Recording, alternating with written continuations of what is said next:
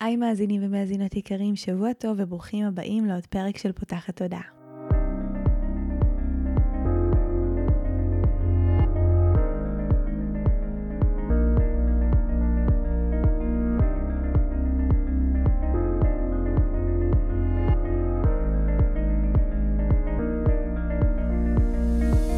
זו הפעם הראשונה שלכם כאן, פותחת תודעה היא תוכנית שנועדה להעביר רעיונות, לאתגר תפיסות קיימות ולפתוח את צורת החשיבה האוטומטית שנהוגה אצל כולנו, לכל מיני כיוונים חדשים במטרה להכניס לחיים שלנו יותר כלילות, שלווה, זרימה, אהבה, קרבה וחופש, גם במערכת היחסים שלנו מול עצמנו וגם במערכות יחסים נוספות. אני ניצן אלפסי, אני המנחה של הפודקאסט הזה ואני מאמנת תודעתית ומלווה תהליכי העצמה אישית בעזרת כלים מעולמות התמודה, האנרגיה והרוח, ובפודקאסט הזה אני גם מראיינת וגם מדברת בעצמי על כל מיני נושאים שהם מעניינים אותי, מסקרנים אותי ואני חושבת שהם בעלי ערך וצריכים להגיע גם לאוזניים שלכם. בפרק של היום אירחתי את יוכי קשת שהיא עוסקת למעלה מ-30 שנה בריפוי הוליסטי, מרפאה ברפואה סינית ורפלקסולוגיה, מרצה וחוקרת.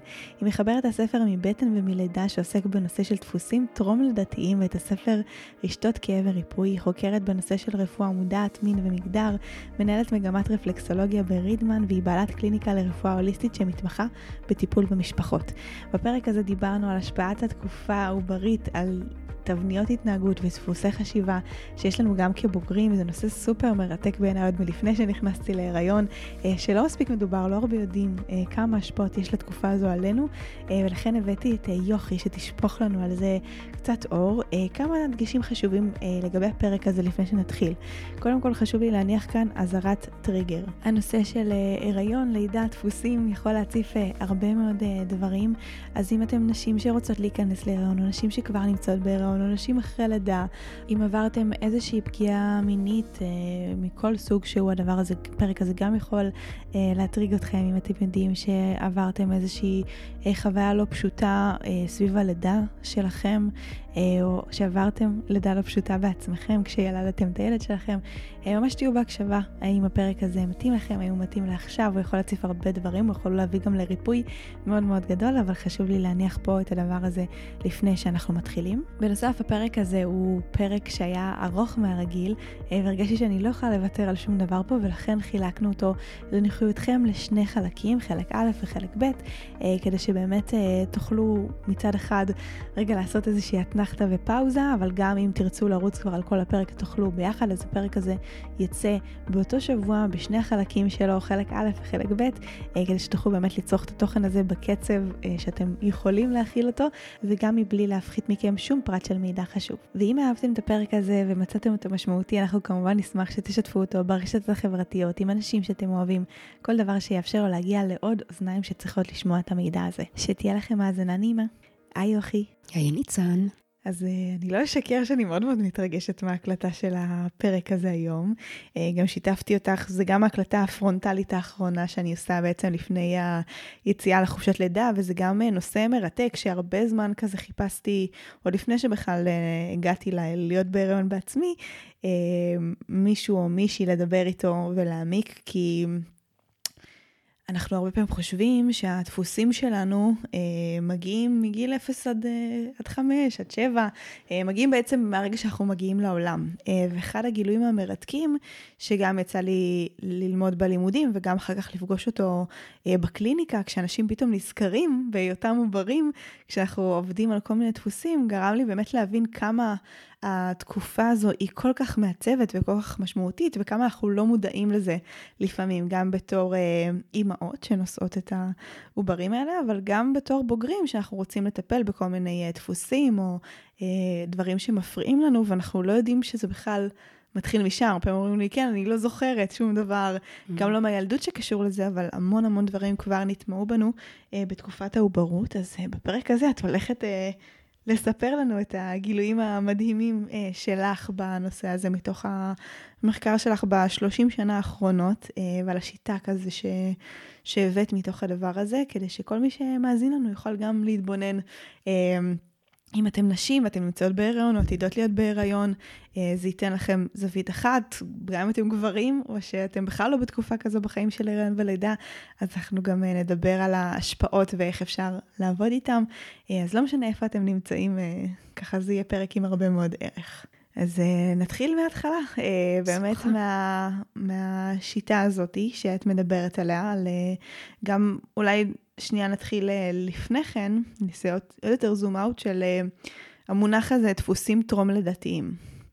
Uh, מה הוא בעצם אומר, ואיך הוא בא לידי ביטוי בכל אחד מהשלבים שאת מדברת עליהם. יופי, אז אנחנו מתחילות עם דפוסים טרום לידתיים. למעשה אני קוראת לזה תבניות התנהגותיות ודפוסים חשיבתיים. אמ, דפוסים טרום לידתיים הכוונה היא שאנחנו באים לעולם הזה ואנחנו הרבה פעמים יש לנו כל מיני התנהגויות וכל מיני תגובות לכל מיני דברים ולכל מיני אירועים שקורים לנו ואנחנו לא תמיד מבינות, מבינים למה, מאיפה זה מגיע. והרבה פעמים אנשים נמצאים שנים רבות בטיפולים פסיכולוגיים, נמצאים בכל מיני תרפיות ולא מצליחים להבין למה לכל אירוע יש להם איזושהי תגובה, איזשהו דפוס תגובתי שהוא קבוע, למרות שאין שום דבר בהיסטוריה שלהם, המודעת לפחות, שהם יודעים אותה, שיכולה להסביר את זה. וכשאנחנו אומרים דפוסים טרום לידתיים, זה הנושא הזה של לחקור האם יש מקום נוסף שאפשר להתבונן בו. בחיים שלנו, שאולי שם זה נוצר. שזו נקודה ממש מעניינת, כי גם אחד הדברים שעולים לי תוך כשאת מדברת, זה שלפעמים אנשים חושבים שה...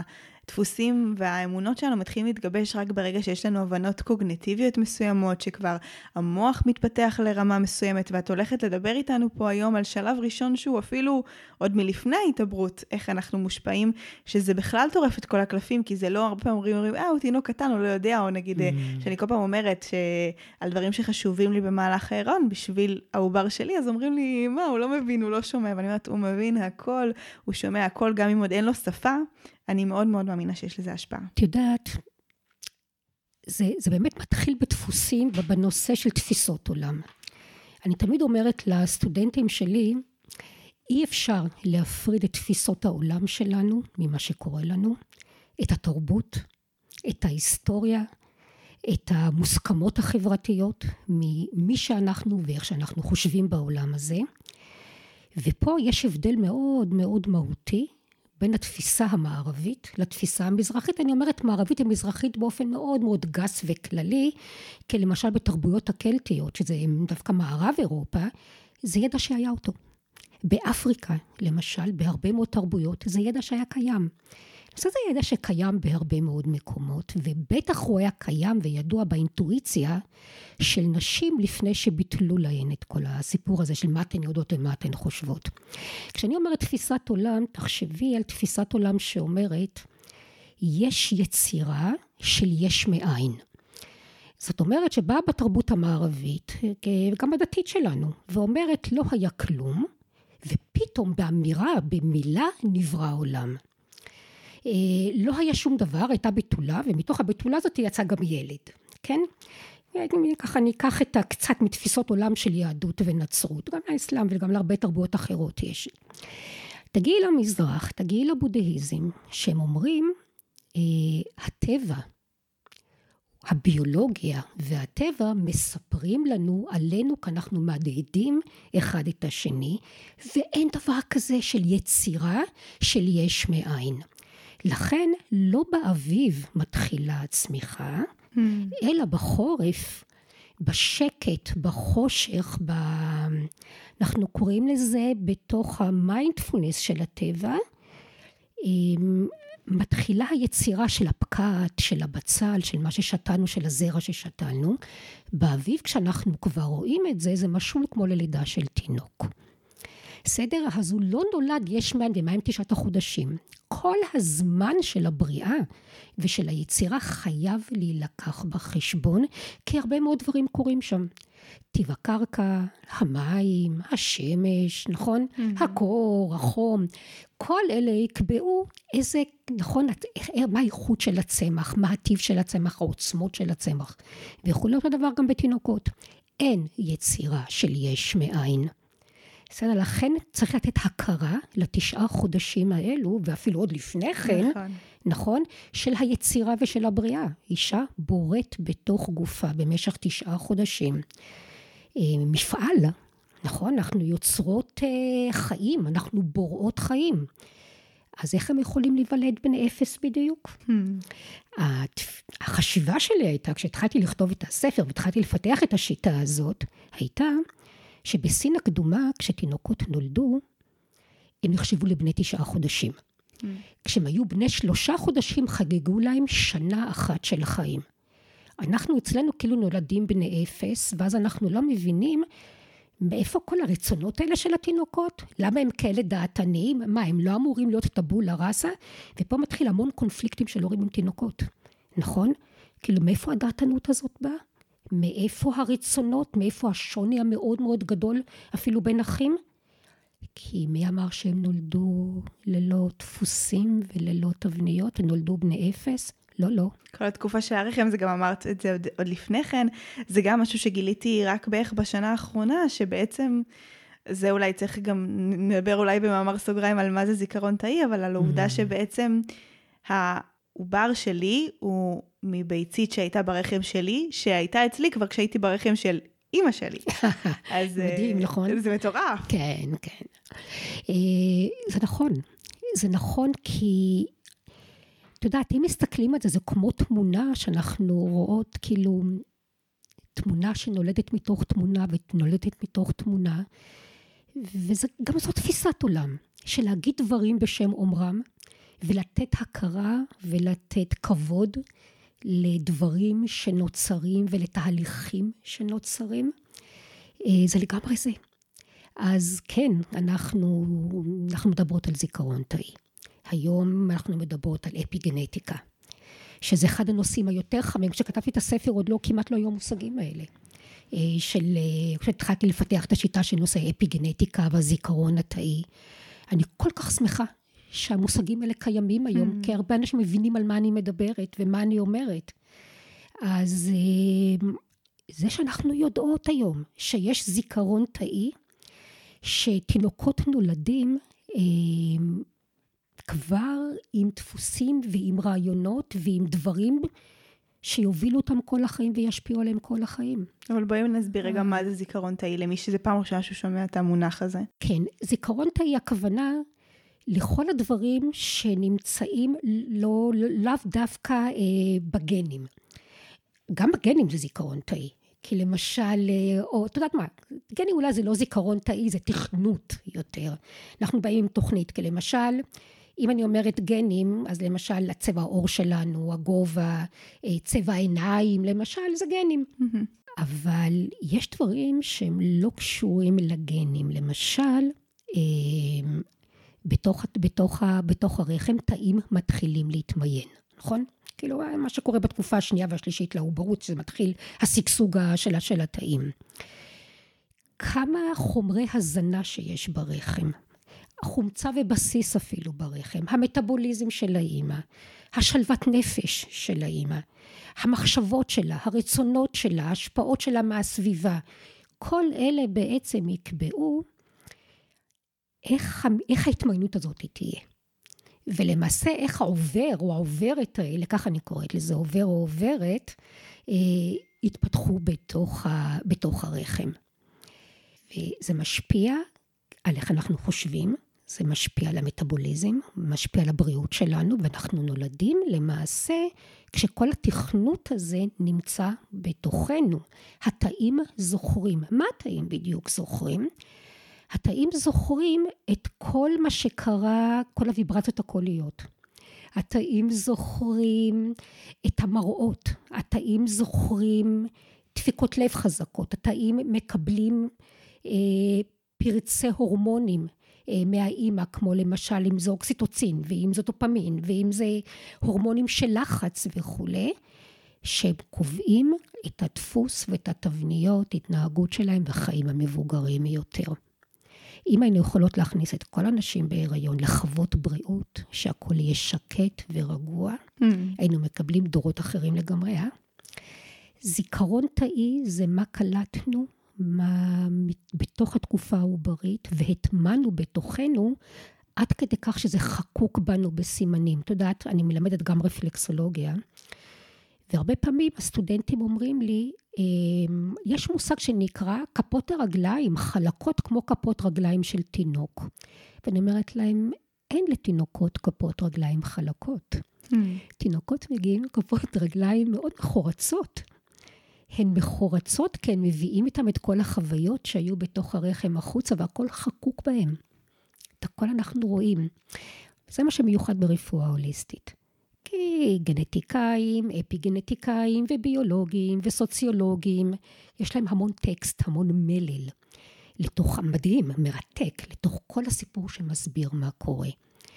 אנחנו מסתכלים על הגוף, על השפה, על התודעה, באותו, באותו level. זאת אומרת, אני יכולה להגיד את הדברים, ואני יכולה גם לשקף אותם ולהראות אותם. וזה יושב באותה, באותה מידה. לגוף אני קוראת במקום שמילים אינן יכולות לגעת, ובהמון מקומות מילים לא יכולות לגעת, אבל הגוף מדבר. Hmm. אז בעצם כל החוויות שהאימא עוברת, מה שאת אומרת, ממש נחקקות בתאים של התינוק, וזה יכול להשפיע גם תודעתית, גם פיזית, גם רגשית, אה, גם התנהגותית.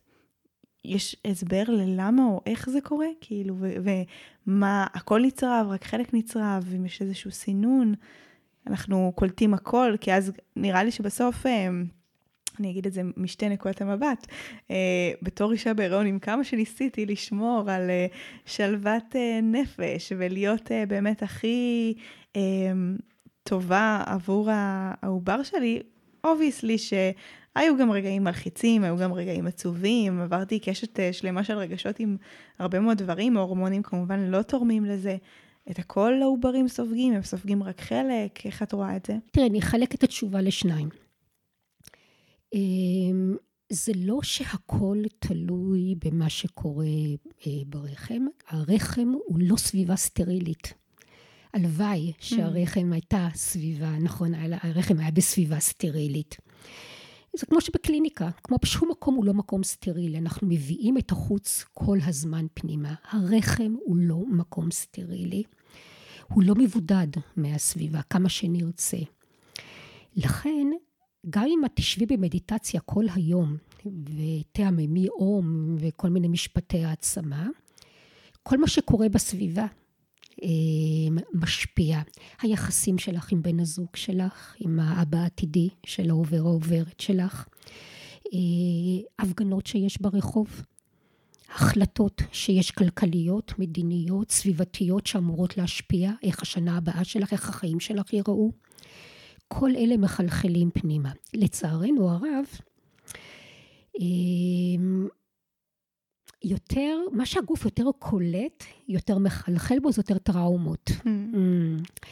דברים שהם יותר מפעילים את המערכת ההישרדותית שלנו, שהם יותר קשורים לטראומות של פחד או חרדה, או משהו שהוא מאוד הישרדותי, זה מוטבע יותר וזה משפיע, משפיע יותר, נותן את החותם יותר. מצד שני, היכולת שלך, היכולת שלי, שלנו כאימהות, לווסת את המנעדים הרגשיים שלנו. כשאני אומרת לעצמי, למשל, נכון, זה מאוד קשה, זה מאוד מורכב, זה מאוד מאתגר ומסובך בחוץ. יחד עם זאת, אני יודעת, יש לי כלים, טכניקה וגם עזרה, גם להגיע לאיזה מקום של שקט ושלווה ולתת ויסות חושי למה שאני מרגישה. זה לגמרי מוטבע בתוך הזיכרון התאי של העוברים והעוברות שלנו. ובתקופות חיים מאוחרות יותר, גם כתינוקות וגם ילדים וגם כבוגרים, אנחנו נדע יותר טוב לווסת את החושים שלנו. את יודעת, כל כך הרבה מחקרים נעשו בנושא הזה. למשל, אחד, אחד האוכלוסיות הנחקרות ביותר, זה למשל מלחמת העולם השנייה. תחשבי, על האימהות שהיו בשנת, אה, בין 40 ל-45 הם היו בהיריון, נכון? אפילו בסוף המלחמה, את יודעת מה, בואי ניקח איזשהו מקרה מבחן. בסוף המלחמה 44, אה, אישה היא בסוף ההיריון. כשהיא ילדה את התינוק שלה, כבר די, המלחמה נגמרה. ואולי אפילו היא לא הייתה בתוך מקום של מצוקה, אולי היא כבר עברה למקום יותר אה, שלב ורגוע, לא היה, שלא, בלי רעב ובלי מלחמה ובלי כאב. הילדים האלו, במחקרים מראים, הם לחוצים יותר, מפוחדים יותר, הרבה יותר בעיות של סכיזופרניה, הרבה יותר בעיות של הרבה יותר הפרעות אכילה. במטאבוליזם, והרבה פחות, יותר קשה להם ויסות חושי. וואו. בסדר?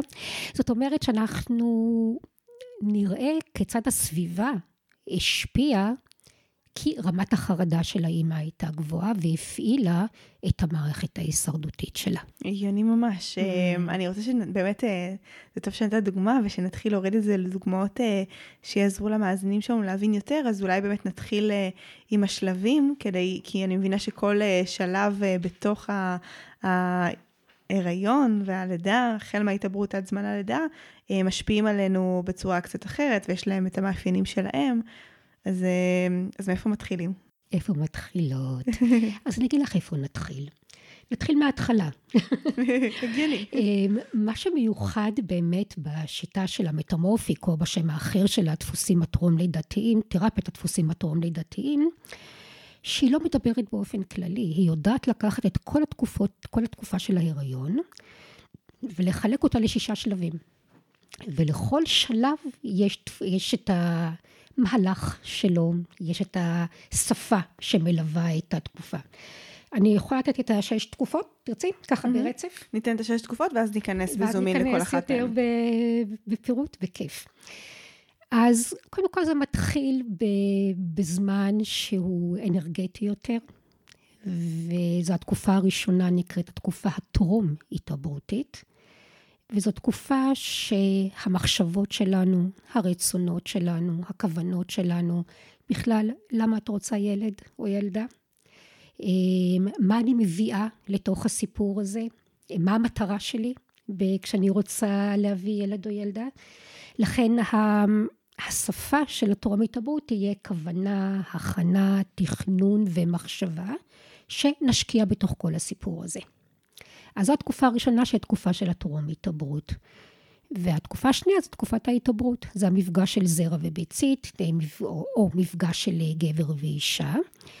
וזו תקופה שמדברת על חיבורים, אה, כמו שזרע וביצית נפגשים, גם שתי מהויות שונות נפגשות, כדי ליצור מהות שלישית משותפת.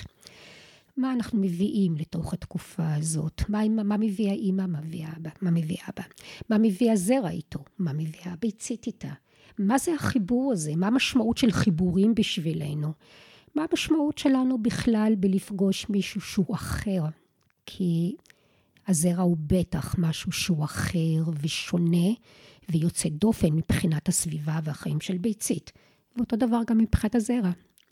נכון? אז שני דברים שונים לגמרי, שמתחברים כדי ליצור מהות שלישית משותפת. זה מה שקורה בתקופה העוברית. אחר כך, אם תרצה, נחזור על כל הסיפור הזה עוד פעם ונראה איך זה משפיע על הדפוסים שלנו. כן, יש כן? לי גם, אני כבר מתחילה לרשום לי כל yeah. מיני שאלות לכל שלב גם. אז השלב השלישי זה השלב השני. השלב השלישי, אנחנו קוראים לו שלב הגדילה. שלב הגדילה הוא בערך בין שמונה שבועות עד שבוע 13 לערך. זה השלב של החיבור, של השגשוג של התאים. אה, החלוקה המאוד מאוד מהירה של התאים, וזה גם השלב שמתחילות להתמיין למשל אה, שכבות בתוך הגוף. אז למשל השכבה החיצונית, אה, שנקראת אקטו חיצוני דרם, האור החיצוני, ממנה למשל מתמיינים המוח, עמוד השדרה, זו מערכת העצבים המרכזית שלנו, והאור. עכשיו תדמייני שיש את מערכת עצבים המרכזית, שלמעשה קולטת גירויים מהחוץ ומובילה אותם אל המוח, ויש את האור. ועכשיו בואי נחשוב על התנועה העוברית בתוך הרחם, שכל הזמן האור, והאור, עמוד השדרה והמוח מתחככים בדופנות הרחם של האימא. ולמעשה מכאן הם קולטים את התחושות, את המראות, נכון? שמגיעים מבחוץ, ולאן זה עובר דרך עמוד השדרה? אל המוח. אבל איפה במוח? אל הלא מודע. Hmm. לא מודע הוא יותר קשור פחות למילים ויותר לחוויות שאנחנו חווים. לכן, כשניוולד, אחרי שאנחנו אחרי הלידה, תינוקות לא יודעים לדבר את מה שקרה להם, אבל הם יודעים לספר. בצורה של התנהגויות וסימנים את מה שקרה, וגם בתקופות חיים מאוחרות יותר שלנו, גם כבני אדם בוגרים. אמ, הגוף יספר כל הזמן את הסיפור של מה קרה בתקופה של העוברות, אבל ללא מילים. והתפקיד שלנו יהיה לנסות לחלץ מתוך זה גם את המילים. תכף אנחנו נדבר על זה. וזו חוויה. עכשיו, למה אנחנו אומרים עד שבוע שמונה או שבוע שלוש עשרה נקרא תקופת הגדילה? אה, כי אחריה תבוא התקופה הבאה, כי זו גם התקופה שבה נקבע בתוך הרחם האם אנחנו נקבות, נשאר נקבות או זכרים, נכון? כי כולנו עד שבוע שמונה, כולנו נשים, כולנו נקבות, לא נשים, סליחה, נקבות. שזה הפיל לי את הלסת שסיפרת לי את זה. או. כולנו נקבות וכולנו למעשה, זה מה שהטבע יצר. הטבע קודם כל יוצר את המהות שהיא הנקבית, את המהות של, של נשים. בעצם להגיד נשים זה משהו שיותר מגדרי, ויגיע השלב יותר מאוחר, אבל קודם כל יוצר את המהות הנקבית יותר. רק משבוע שמונה, הכרומוזום, הגן של Y, עושה את הקליק, נדלק, ואז מתחיל ההתמיינות, האם זה יהיה אה, בן, נכון? יהיה זכר, האם זה יהיה זכר. שבוע 12, 13, 14 בערך, גם בפרק של, של הורמונים, הטוסטסטרון, כמות הטוסטסטרון תקבע סופית, האם זה יהיה, נכון, בן או בת. האם זה יהיה, גם, האם זה יהיה בן? כי בת אנחנו תמיד. כן. האם זה יהיה גם בן? לכן נשים זה XX, גברים זה XY. בסדר? זאת אומרת, ה-X ב-XY של גברים זה בעצם ההיסטוריה, הסיפור המקורי, שהבריאה מתחילה כנשים, כנקבות. טוב. וזה המסע שכל החיים אחר כך יימשך, שאנחנו אומרות, למה לגברים המון פעמים, אנקדוטי כזה, כל כך חשוב הרבה פעמים להגדיר את עצמם. נכון, לנשים יש פחות חושבת. תחושה שהן צריכות להגדיר את עצמן. נגיד, אנחנו נפגשות, אישה לא תגיד אחת לשנייה, אישה אישה, או איזה אישה את, נכון, וכולי. אנחנו נשים, כן, יש לנו ביטחון מלא בזה. גברים המון פעמים מאוד מחזקים אחד את השני, נכון, אתה גבר גבר. או אפילו לילדים קטנים, כשאבא רוצה לחזק את הזהות שלו, יגיד לו, אתה בן, אתה גבר, אתה, כן, נכון, אתה נגיד, אתה לא תבכה, נכון? כי גברים אה, כבר מתחילים לא בוכים. שימי לב כמה פעמים גברים חשוב להם להיות בקבוצות של גברים. לחזק אחד את השני, להבדיל את עצמן מנשים. עכשיו, נשים המון פעמים משתגעות מהסיפור הזה. למה אתה רוצה להבדיל את עצמך ממני, כן? מאיפה הצורך הזה? מתוך הצורך הזה שזה לא ברור מאליו. אוקיי, גם לא חשבתי על זה ככה. כן, זה לא ברור לי מאליו, וזה מסע שלם, זה גם מביא לצרות צרורות, כן? כי אם לוקחים את זה לקיצוניות, אמ, אנחנו מגיעים למה שקורה היום בעולם, של ניסיון לשעבד את מי שאנחנו רוצים להבדיל את עצמנו ממנו, לשלוט במי שאנחנו רוצים לחשוב שהוא שונה מאיתנו, במקום החברות. אה? כן, לגמרי. אז זו תקופה השלישית שקראנו לה במטמורפיק, שהיא תקופת הגדילה. אה, עוברים ועוברות ברחם למש... למעשה זזים ונעים מ-day one, ממש מההתחלה. רק התקופה הבאה שאנחנו קוראים לה תקופת הגדילה, הבעיטות והתנועה, היא התקופה שנשים מתחילות להרגיש את העוברים, את העוברות ברחם. למה? כי הם מספיק גדולים. פשוט יש להם מספיק נפח ומספיק גודל כדי להרגיש את התנועה שלהם ברחם. תקופה מאוד מאוד חשובה, כי זו התקופה שמתחילה החברות למעשה, נכון? ממש. שימי לב גם, ניצן, שזו גם התקופה שכבר, גם אם אישה כן רוצה את ההיריון, לא רוצה את ההיריון, יש התלבטויות בקשר האם להשאיר את ההיריון או לא, או שאפילו אם אישה מאוד מאוד רוצה את ההיריון, רוב הפנות גם הספונטניות. מתרחשות עד הזמן הזה. אבל מהרגע שאת יש את התנועה, זזים בתוך הרחם, ומתחילה החברות הזאת כתנועה, היא מובילה לתגובה, נכון? העוברת שלך, העובר שלך זז ברחם, את באופן ספונטני ביותר, בלי להרגיש שאת נוגעת בו. תקשורת, תגובה. כל הנושא הזה גם של התקשורת, של התגובה, של התנועה, אחר כך ישפיעו עלינו. אנחנו טוענים כמבוגרים על דפוסים של חברות ותקשורת. מי רואה אותי, מי שומע אותי, מי מרגישים אותי. התקופה הבאה היא תקופת ההבשלה. זו התקופה הארוכה ביותר למעשה. אמ, נגיד משבוע 20 לערך, אה, כל האיברים כבר קיימים. הם רק צריכים להבשיל עכשיו. אה, העיניים, האוזניים, מערכת העיכול, מערכת השתן, כל הגוף נכנס למה שנקרא ניסוי כלים. ומתחיל להיווצר השומן התת-עורי, ומתחילים להתפתח העצבים יותר, אה, הריאות שמבשילות, כל המערכות מבשילות, זו תקופת ההבשלה. היא מאוד מאוד חשובה, כי זה כמו, אחר כך אנחנו כנשים בוגרים, תקופה יותר מאוחרת, כמה אנחנו מבשילות לתוך תהליכים. אה, כמה אנחנו נותנות זמן לתהליכים לקרות, להתרחש, לפני שאנחנו מתחילות אה, להגיב אליהם, אה, להוציא אותם לפועל. הרבה נשים, הרבה פעמים בשבוע 38, 37, באות ואומרות לי, תעשי שזה יצא. די, כבד לי, אני לא יכולה. ואני אומרת להם, לא כדאי לכן. כי כמה שהעוברת שלכם, העובר יהיו בשלים יותר.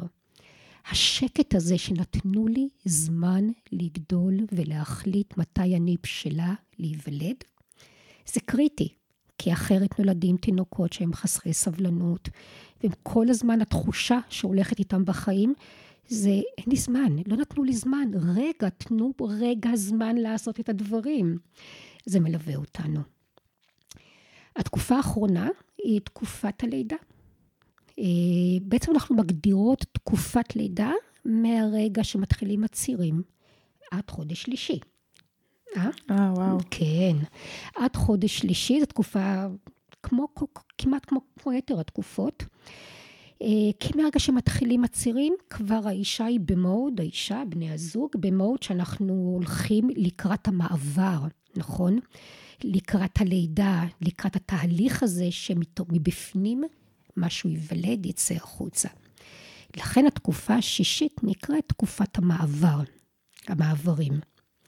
בעצם לכל תקופה יש לנו שם, אולי אני אחזור לזה, נחזור לזה קצת אה, אחר כך.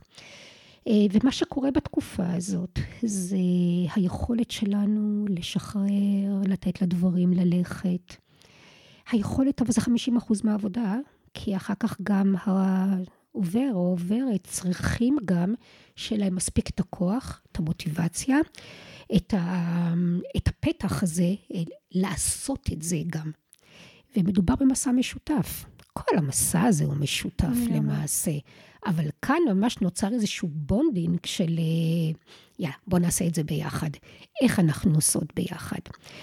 וכמה שאישה יותר בטוחה ושלווה שהתינוק, תינוקת שלה נולדים הולכים להיוולד לתוך מקום טוב, מיטיב, בטוח, כמה שיותר תומכים בה ויודעת שהסביבה איתה ובעדה, הסיכוי, כן, יש הרבה גם גורמים אחרים, אבל הסיכוי שהיא תיפתח ותשחרר, כי יהיה מספיק אוקסיטוצין, וכי עצב הווגוס, שאחראי לרוגע ולפתיחה, יותר ייקחו פיקוד, הסיכוי שזה יהיה קל יותר, שוטף יותר, זורם יותר, הוא גבוה יותר. לכן נשים משתמשות בהמון שיטות, אם זה... היפנוברטינג? למשל, נכון. ואם זה שיטות של נשימות אחרות ועיסויים, הכל כדי לגרום לש... לא... לאישה לעזור לה, לסייע, להיפתח ולשחרר. וזה מעברים. Mm-hmm. אז את שואלת למה אני קוראת לזה עובר או עוברת, את יודעת, בעברית למילה עובר אין משמעות, אין לזה שורש. אמ, ובדיוק בזמן שכתבתי את הספר גם למדתי תלמוד באוניברסיטה. שיעור ראשון בתלמוד, פתאום המרצה אומרת, אתם יודעים שהתנ"ך כשהוא נכתב, הוא נכתב לא מנוקד. רק שנים רבות אחר כך ניקדו אותו. ובחקר המקרא, לפעמים כשיש מילה לא ברורה, אנחנו מנסים לשתת את, את הניקוד שלה. ואז אנחנו מבינים למה הייתה הכוונה, ופתאום נפל לי האסימון ואמרתי, ברור, כי לעובר אין משמעות עליו, אבל לעובר, ועוברת בהחלט, כן. Mm. זה עובר, נכון, הביצית עוברת מסע שלם כדי להגיע לרחם. הזרע עושה מסע ארוך מאוד, הוא עובר נכון מהגוף של, ה, של הגבר, החוץ נכון מהשכים, עובר mm-hmm. אל הפין, אל גוף האישה, ואיזה מעברים ואיזה מסע זה עושה עד שהאחד הזה מתקבל פנימה. מעברים. וכל התקופה של ההתפתחות העוברית זה מעברים, עד המעבר האחרון, שזה מבפנים החוצה. ואנחנו צריכים לדעת לעשות אותו. זה ישפיע על כל חיינו, איך נעשה מעברים ושינויים. טוב, רגע, אני ממש אה, מחזיקה את עצמי לא לקטוע אותך בשביל הרצף. זהו, אבל זה שתי תקופות. אה, ועכשיו אה, אני אתחיל לפרק את כל השאלות או ההתאבקויות באמת בכל שלב, ואיך הן יכולות להשפיע, כדי שבאמת נוריד את זה גם לדוגמאות. שיהיה לקהל יותר קל לתפוס. אז באמת בטרום ההתעברות, אני יכולה לחשוב על כמה דברים שקורים. אה, קודם כל, אם בכלל, נלך על שתי קצוות, יש את הזוגות שבכלל לא מעוניינים כאילו בתינוק ובכלל לא נמצאים שם, ואז אה, אפשר לדבר על איך זה משפיע כש... נכנסתי להיריון בטעות, זה גם, יוצא לפגוש את זה המון בטיפולים, כאילו של אה, ההורים שלי, אה, לא הייתי מתוכננת, אבא שלי, אימא שלי רצתה את ההיריון אחד ההורים רצה את ההיריון והשני רצה להפיל ואיך זה משפיע, אה, ויש גם את הכיוון השני של אה, זוגות לא מצליחים להיכנס להיריון, ואז יש המון המון ציפייה והמון לחץ סביב זה, והרבה אה, מקום שדווקא גם מקשה על הגוף להיקלט, אבל גם אני תוהה איך הוא משפיע על העובר. אם יש לחץ כזה סביב ההורים, אז נראה לי בטרום ההתעברות, בואי תתני לנו כמה דוגמאות כאילו לאיך זה יכול להשפיע על הדפוסים אחר כך כבוגרים. לגמרי. בטרום התעברות למעשה אנחנו מדברות על תודעות, תודעות, אה, או התודעה של האימא או תודעה של אבא ואימא, של שני ההורים. שזוג, אה, אנחנו אומרים, כמה שההיריון מתוכנן יותר, אה, חשבו עליו יותר, רצו אותו יותר, למעשה ממקמים את התודעה העתידית של העובר עוברת גבוה יותר בחיים. אני אומרת, כאילו, זה לעשות כמו וי על איזשהו שלב. כי אם התכוננו ויש כוונה ויש תודעה שמתמקדת אחר כך לתוך איזשהו מעשה, זו אנרגיה שמתמקדת לכדי מציאות. אמ, לא יהיה את השאלות, לא יהיו השאלות אחר כך, אנחנו כן רוצים את זה, לא רוצים את זה, למה לנו את כל הסיפור? כי אם הטענה שלנו היא שהכל עובר אחר כך ומחלחל לתוך התודעה העוברית, אז בעצם עשינו וי מאוד גדול. אז הוא כבר מרגיש אהוב ורצוי, הילד הזה מר... בבגרות שלו, כי רצינו אותו מאוד. כי רצינו אותו מאוד. עכשיו, יותר מזה, במטמורפיק אנחנו אומרים שהיכולת שלנו לחשוב, לתכנן מראש, התפיסה האבסטרקטית שלנו בכלל, אה, תלויה בתקופה הזאת. כמה שההורים שלנו יותר תכננו ורצו, והמחשבה שלהם ללמה הם רוצים ילד הייתה גם פחות או יותר נכונה. עכשיו, הרבה פעמים אנשים אומרים לי, מה זאת אומרת נכונה?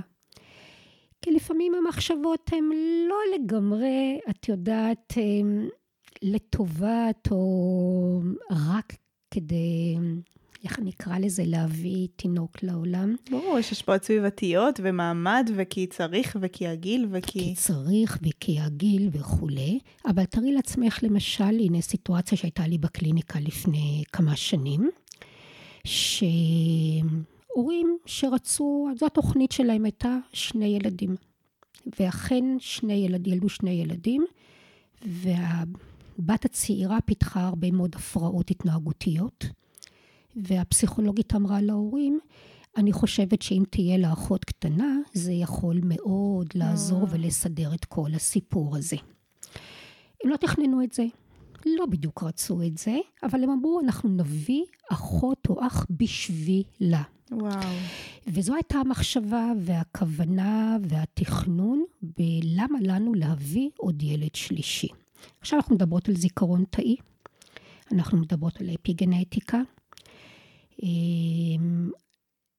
התינוקת הזאת שנולדה, יש לה וואחד תפקיד, והיא גם אולי מרגישה לא... לא זה לא סתם יש לה וואחד תפקיד, כי היא הגיעה אליי כשהיא בת 29 לקליניקה. מה הבעיה העיקרית שהיא סובלת ממנה? פצעים מאוד מאוד קשים במצח, בעיקר במצח. אמרנו שרפואה הוליסטית מחברת גוף ונפש ולא מפרידה גוף ונפש. היו פצעים מאוד מאוד במתח, במצח, מוגלתיים, מגרדים, דלקתיים מאוד, ומה שהיא לא עשתה, כל המשכות של הרופא העור, כל הניסיון שלה לטפל בזה, וזה לא מצליח. אמ, והיא באה כדי לקבל טיפול מטמורפיק. ועלה בתוך הטיפול, אני ככה אקצר את זה, כשדיברנו על הדפוסים ועל אה, היסטוריה, ופרסתי בפניה, אני פורסת בפני כל המטופלים שלי את התקופות, גם כדי לבדוק את הרלוונטיות של הטיפול, כי זה לא לכולם רלוונטי הטיפול הזה.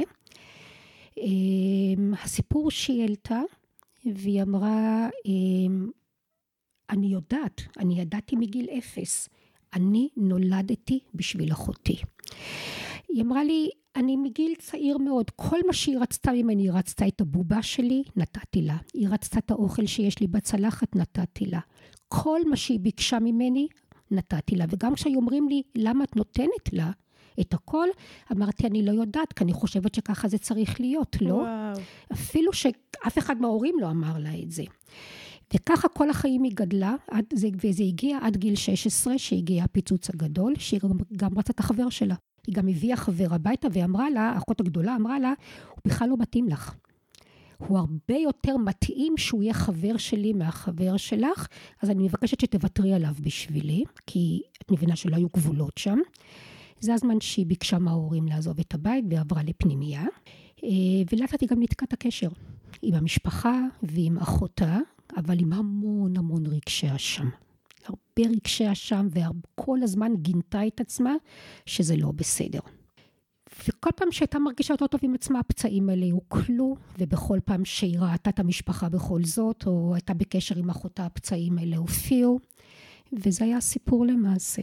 וואו. הסיפור היה אה, לפתור את הפלונטר הזה שנוצר מבטן ומלידה, מוטבע בה בזיכרון התאי.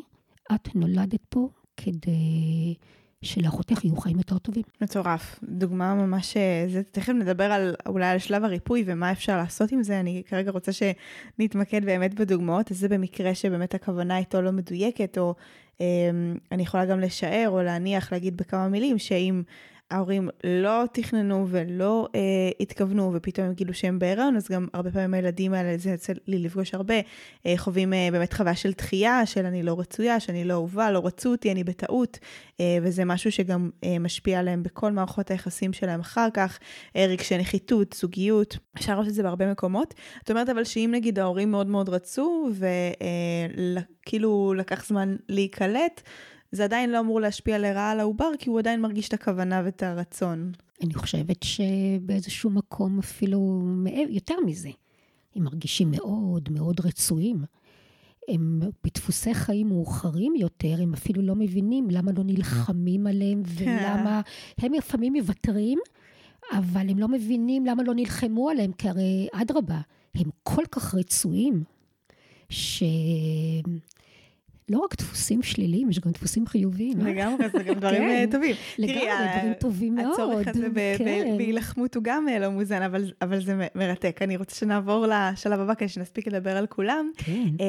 אז בעצם השלב הבא הוא באמת ההתעברות עצמה. וכאן השאלה שנגיד עולה לי זה באמת מה קורה, יש להרבה מאוד נשים בשלב הזה, לא משנה אם ההיריון בא להם בקלות או לא, אה, לחץ מ- מלהפיל, מזה שהעובר אה, אה, לא בהכרח ישרוד, או שמשהו יתפתח לא תקין, שלב שיש בו הרבה מאוד אה, בדיקות, וככה את המשמעות הזאת, איך הדבר הזה יכול אה, לבוא לידי ביטוי? אמ, זה מאוד מורכב. אני נשאלת, זה השלב שאני נשאלת עליו הרבה פעמים, את הכי הרבה שאלות, כי בואי ניקח אותך לעוד קצה. אמ, נשים למשל שנכנסו להיריון בעקבות תקיפה מינית אמ, והחליטו בכל זאת כן להשאיר את העובר או את העוברת שלהם. אמ, מה החוויה שנקלטת? נכון? כאילו מי זה הזר והאחר והפולש, הפחד הזה מזרים ומאחרים ומישהו שהוא לא אני. או בכלל פחד מגברים, נכון? בלי לדעת אפילו למה. כי אין בזיכרון של אחרי הלידה שום אירוע שנגיד אישה יכולה לזכור שהיא, מישהו תקף אותה, מישהו פגע בה, אף אחד לא תקף אותה ואף אחד לא פגע בה, אבל הזיכרון, זה הזיכרון התאי של אימא, גם אם היא לא סיפרה לה מעולם על החוויה הזאת. וואו. ולכן כל הסיפור הזה של אה, איך היו היחסים בין אבא ואימא, או מה היו היחסים, אה, כשהחיבור הזה. את יודעת, אפילו יש לנו המון היום מצבים של הורות פונדקאית, של תרומות זרע, של uh, הפריה חוץ גופית. חוץ... כן. Uh, כן. הרבה מאוד ילדים, אנחנו נראה שיש להם שאלות uh, של שייכות. אחת מהדוגמאות שאני, ש, שנתקלתי בהן, למשל, זאת uh, גם כן נערה צעירה, 17, שהגיעה לקליניקה, הגיעה בגלל סיפור אחר לגמרי, אבל עלה בקליניקה שהיא, יום אחד היא אומרת לי, את יודעת, אני גם לא, אחד הדברים שהם לא בטוחה בהם, אני לא בטוחה שאבא שלי ואימא שלי זה אבא ואימא שלי, אז אמרתי לה, וזה לא שלב שכולם עוברים אותו לפעמים, שאנחנו, אמרה לי, לא, לא, לא, אני אומרת לך, אני אומרת לך שאני ממש לא בטוחה שזה אבא ואימא שלי. אה, עכשיו, אני מטפלת במשפחות. זאת אומרת שאני גם מכירה את אבא שלה ואני מכירה את אימא שלה, אני גם מכירה את סבתא שלה. Mm. וכשאני שואלת בקליניקה, שאלתי את אימא שלה, תגידי, מה הסיפור? אמרה לי, תראי, היא לא יודעת, אבל לא הצלחנו להיכנס להיריון הרבה מאוד זמן. והסתבר שהזרע לא היה מספיק טוב, וזו הייתה תרומת זרע, וזו גם הייתה, זה היה IVF. אה, ובאמת אני שואלת כל הזמן שאלות, שואלת, שואלת, אמרה לי, מאז שהייתי קטנה, היא אומרת לי, אני, אתם בטוחים שאני שלכם? בטוח, בטוח שלא החליפו אותי? אני באמת שלכם? ויש לה עוד דפוס, שהיא עושה, שהיא כל הזמן ממיינת דברים. מה שייך למה, מי שייך למי, וכל היום היא עסוקה במיונים. זאת אומרת של שייכויות. זאת אומרת שהדבר הזה, הזיכרון התאי הזה, המקום הלא פתור הזה שלה, של אה, מאיפה אני מגיעה, למי אני שייכת, אה, זה נמצא שם. מטורף. ותגידי, את רואה אצל אה, באמת ילדים שאני לא יודעת כמה שנים כבר עושים את הטכניקות האלה של IVF, ואם יש מספיק ידע לראות איך זה משפיע עליהם, אבל יש איזה דפוסים משותפים לילדים שהגיעו, נגיד IVF זה נהיה מאוד מאוד נפוץ. לגמרי. הפריה חוץ גופית בשנים האחרונות, ו- איך זה משפיע? ופונדקאות. גם. נכון? וגם כל הנושא של פונדקאות, שאלות מאוד מאוד אה, עמוקות. אה, אני לא יודעת אם נעשו מספיק מחקרים על זה, אני חושבת שכולם אפילו מפחדים לגעת בזה, זה קצת כדור אש, נכון? Mm-hmm. כי אנחנו כל כך אה, חוששים המון פעמים שיחשדו בנו בכל מיני דעות כאלה, או דעות אחרות של בעד ונגד. אה, קצת מפחדים. קצת מפחדים לגעת בנושא הזה, אבל יש פה יותר כוונה, הייתי דווקא מפנה את זה להורים. שאם באמת אה, הילדים שואלים שאלות, ולילדים יש תהיות בנושא הזה, כן לחבר ולספר. אני, מהניסיון שלי בקליניקה, גיליתי שהרבה פעמים כשההורים מספרים וחולקים דברים, אה, יש פה פתח למסע מאוד מאוד יפה. זה משהו משהו מאוד משחרר, לא שאני תמיד מאמינה שהאמת משחררת, אני לא מאמינה בזה, סליחה, כן? אבל ראינו שהרבה מאוד פעמים כשאני שולחת אה, מטופלים להורים, יש לנו שאלון לאימהות ולאבות. אה. שאלון ממש מובנה, ששואלים את ההורים, אה, ואם אין הורים אז מישהו שקרוב שיודע את הסיפור. והרבה פעמים באים ואומרים לי, איזה סיפורים יש במשפחה הזאת. אני, עכשיו אני יכולה להתחיל להבין למה הדפוס שלי הוא כזה, כי בתקופה המסוימת הזאת קרה מה שקרה, וצריך להתייחס מאוד בעדינות לאימהות, אה? בטח. כי הרבה פעמים אימהות לוקחות איזושהי אשמה, ואנחנו מנסות להגיד, אין פה אשמה, כי אנחנו מתנהלות כמו שאנחנו יודעות להתנהל, או כמו שלפעמים אין ברירה. ועם כל המודעות, גם בא לי להגיד רגע באמת בנקודה הזאת, היא בהתחלה, מן הסתם, רציתי לייצר את החוויה הכי טובה, אבל כמו שאמרתי גם בתחילת הפרק, עם כל המודעות אין מה לעשות. זאת אומרת, גם אני סתם, שאלתי לא סתם על המקום הזה של הלחץ מהפלה, כי, כי זה מפחיד, כי הדבר הזה הוא כל כך שברירי, ובטח אחרי שרצית אותו והתכוננת אליו, ופתאום זה הצליח, ואתה אומר, הנה, אבל אתה גם מפחד נורא להיקשר, וזה גם משהו שעוד רגע אני אשאל עליו, כאילו על החיבור הרגשי, אני יכולה להגיד שלקח לי זמן. אה, אני אגיד אפילו לקחת על הדבר הזה בעלות, להבין שזה שלי, mm. אה, לפתח איתו מערכת יחסים, זה באמת הגיע הרבה בעיקר סביב התנועות. נכון. אה, אבל גם אז, כן, ממש הזדהיתי עם זה, אבל נגיד לחץ להפיל, שזה משהו שאני מניחה ש... כמעט כל הריונית חובה באיזשהו שלב, זה אצל חלק זה כזה לפני ששומעים את הדופק, האם בכלל כאילו ההיריון הזה תקין. למה את מתכוונת לחץ להפיל? הכוונה שהפחד, החשש שתהיה הפלה. כן, שתהיה או, הפלה, או, או, שמי, או שמישהו, אה, או שמשהו יצא לא תקין. בסוף אה, אמרתי, יש הרבה בדיקות בשלב הזה, אה, ואת כאילו, את חיה מבדיקה לבדיקה, כאילו את יצאת מהבדיקת דופק, את שמחה שזה עובר עם דופק, ואז את מחכה לראות תראי, שהשקיפות שלו בסדר. תראי, יש לי משא ומתן מאוד ארוך עם המטופלות שלי, אני מטפלת הרבה בנשים בהיריון בקליניקה. אני בעד מינימום של מינימום האפשרי של בדיקות. ישראל היא מדינה, אני לא אוהבת להשתמש במילה שאני אגיד אותה עכשיו, מטורפת במקום של בדיקות. אין אח ורע למה שקורה בישראל בנושא הזה של בדיקות של נשים בהיריון. ברוב העולם נשים עוברות שתי בדיקות אולטרסאונד למשל, הראשונה ואחרונה, שאני לדעתי היא הכי חשובה למעשה, אה, תחילת חודש תשיעי, אמצע תשיעי, באמת לראות האם העוברת התהפכה למשל, האם יש מספיק מי שפיר, אה, פחות או יותר הערכת משקל, עם 90 אחוז הם טועים גם, אבל בסדר, לא משנה, בערך לדעת את הכיוון, זה הכל. החוויית הריון של נשים בישראל מזעזעת בעיניי. זה באמת מבדיקה לבדיקה, וכמעט כל הרופאים יגידו, תראי, זה תקין, אבל את יודעת, רק יש פה איזה משהו קטן שאם תבואי עוד חודש אני אבדוק ואני אראה האם זה בסדר, כי החדרים של הלב לא בדיוק על פי השבוע, המשקל הוא לא בדיוק על פי התקופה, והאימא כבר חודש שלם מפורפרת. כן?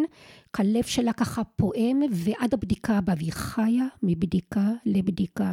מה אמרנו על האפיגנטיקה? סטרס, לחץ, חרדה. את יודעת שהיא בישראל, זו המדינה עם הכי הכי הרבה שיעורים של דיכאונות אחרי לידה. אומרים 50 אחוז, מילדות ילחשו לך באוזן, שזה גם 60 ו-70 אחוז מהנשים בישראל חוות ברמה כזאת או אחרת. למה בעצם? דיכאון של אחרי לידה. כי מה חשבנו? מה זה מפל הורמונלי? אם את באה, עכשיו, מפל הורמונלי זה משהו שקורה באופן טבעי לכל אישה אחרי לידה.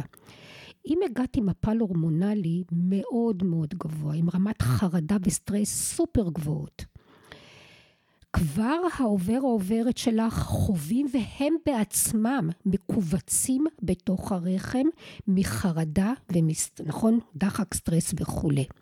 זה ישפיע על הלידה. קחי את חדרי הלידה בישראל ואת הלחץ העצום שיש על נשים ללדת ככה או ללדת אחרת. אין סבלנות בחדרי לידה, אני מדברת על חוויות לידה מאוד מאוד קשות. והפער בין איך אישה חשבה שההיריון יעבור והלידה תעבור, לאיך שזה מתרחש במציאות, הפער הזה הוא בלתי נתפס. ושם יושבים הרבה הרבה מאוד מהדיכאונות של אחרי לידה.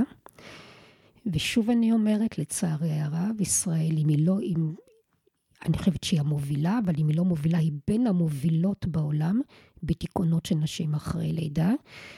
ו... חלק מזה זה הריבוי של הריבוי של הבדיקות שהן עושות, כי הן במתח וחרדה כל הזמן. איך זה משפיע בבגרות על העוברים האלה שחוו את הלחץ אה, של האימא? מן הסתם. בעיה זה... בוויסות רגשי. בראש ובראשונה, בעיה בוויסות רגשי, כי האימא לא הייתה מבוסתת רגשית. איך זה נראה אצל ילדים? למשל, זה יכול להיות בדיכאונות. זה יכול להיות בהפרעות אכילה. זה יכול להיות בסכיזופרניה. זה יכול להיות בהתפרצויות זעם מאוד מאוד קשות, שאת כל הזמן, מה שנשים היום בצחוק כזה אומרות, הוא בטנטרום, מכירה את זה? למה הילד שלך בכזה טנטרום פעם אחרי פעם אחרי פעם? למה כל כך קשה לווסת אותו רגשית? בוא נסתכל אחורנית ונראה. אני כל כך, אני מנסה לאחל, את יודעת, לנשים חוויית הריון יותר טובה. שקטה יותר, רגועה יותר. כי זו הטענה שלנו, הזיכרון העוברי, האפיגנטיקה מספרת לנו שכל מה שעברנו, נכון, בהיריון, ישפיע על תבניות חשיבה ודפוסי התנהגות. ואיך אנחנו עוזרים עכשיו להריוניות אה, לא להיות אה, מצד שני גם מבוהלות, או בתחושת אשמה מאוד גדולה, כי בסוף את יודעת, שומעים את המילים האלה, אה, סכיזופרניה, כאילו זה יכול להיות מאוד מאוד מציף, אז אז אולי... אבל יש הרבה דברים שהם בידינו. קודם כל, להחזיר את השליטה לידינו. כל השליטה שנלקחה מאיתנו, דורות ובאין סוף דברים. ההיריון זה רק עוד רובד אחד של שליטה שנלקחה מנשים על גופן. רובד אחד, מהותי מאוד, אבל רק אחד. קחי שליטה, קחי שליטה על, על מה שקורה. תקבעי את איך ייראו הכללים האלו. וכמה שאנחנו מגיעות משכילות יותר, כך יותר קל יהיה לנו. זה גם אחת הסיבות האינטרסים שלי להתראיין בפודקאסט כזה למשל, או לכתוב את מה שאני כותבת או לדבר, זה להחזיר לנשים את הכוח הנגזל הזה. Mm-hmm. ונשים יש להן הרבה יותר זכויות והרבה יותר כוח ממה שנדמה להן, אה? ומה שהן לוקחות. אז לקבוע ולהסתכל בעולם ולדעת שאת לא צריכה לעשות כל כך הרבה מוניטורים, כל כך הרבה אולטרסאונדים. יש כמה מהותיים, סקירת מערכות, ואחרון, יופי. את רואה את הבטן שלך שהיא גדלה? את רואה את העובר עוברת האלה זזים ברחם כל הזמן? מה קרה? ונפפר אומרת לי אישה, את יודעת מה? את רוצה עכשיו, את בחודש שמיני ואת רוצה אולטרסאונד, ותגידי. ונגיד שמצאו שם משהו, את תעשי הפלה עכשיו? היא אומרת לי, לא, מה פתאום? אמרתי לה, אז בשביל מה הבדיקה? כן, אני מבינה את הנקודה. את מבינה את הנקודה, כן. נכון? אה. זה, זה מורכב, כן. מאוד ו... מורכב, כי תופסים את הנשים בדיוק המקום שהן הכי רגישות, מה אמרת קודם? רגשי אשם. נכון. כן, בפחד. אני חושבת אבל שגם הייתי רוצה להזמין את מי שמאזינה לנו, אה, לבחון אה, עם עצמה מה מטיב איתה, כי יש כאלה שאולי הבדיקות אה, כן אה, נותנות להם סוג של אה, תחושת אה, שליטה או ביטחון, גם אם מדומים, נכון? כי הרי לפני רגע אמרנו, אם חס וחלילה מוצאים משהו, זה, זה, זה קצת מורכב יותר, אבל, אבל באמת שכל אחת תהיה בהקשבה, אולי באמת מאיזה מקום היא הולכת לבדיקות, והאם זה משהו שנותן לה יותר רוגע ושלווה, או דווקא יותר לחץ וסטרס, זו נקודה ממש טובה. אני גם כן. פונה, את יודעת מה, אנחנו לא, לא יודעת מי יקשיב לנו, אני גם פונה לרופאים. אה, לרופאות, לאנשים בתוך מערכת הבריאות, תרגיעו, תראו מה קורה בעולם, ובאמת, באמת תעשו רק את מה שהכרחי. ובאמת תשקיעו בחוויה של נשים בהיריון, כדי שה... עובר, העוברת יהיו בריאים יותר אחר כך. אולי הם לא יודעים, אולי הם לא יודעים מספיק כמה זה משפיע. לגמרי. פה אנחנו מנסות אה, לייצר את ההשפעה שלנו על כל מי שמאזינה ומאזין, ובאמת אה, זה הכוח של לפתוח אה, תודעה. עד כאן לחלק הראשון, חילקנו לכם את זה לשניים באמת כדי שיהיה קל להכיל. מזמינה אתכם, מקווה שהחלק הראשון סקרם ושתרצו להמשיך גם לחלק הבא שבו אנחנו מדברות בעצם גם על ההמשך של השלבים וגם על מה אפשר לעשות ואיך אפשר באמת לשפר את המצב, אם זה כבר הדברים שנצרבו בתוכנו, שזה באמת קצת החלק היותר פרקטי והמעשי. אז מוזמנים להמשיך לפרק הבא שנמצא ממש אחרי הפרק הזה.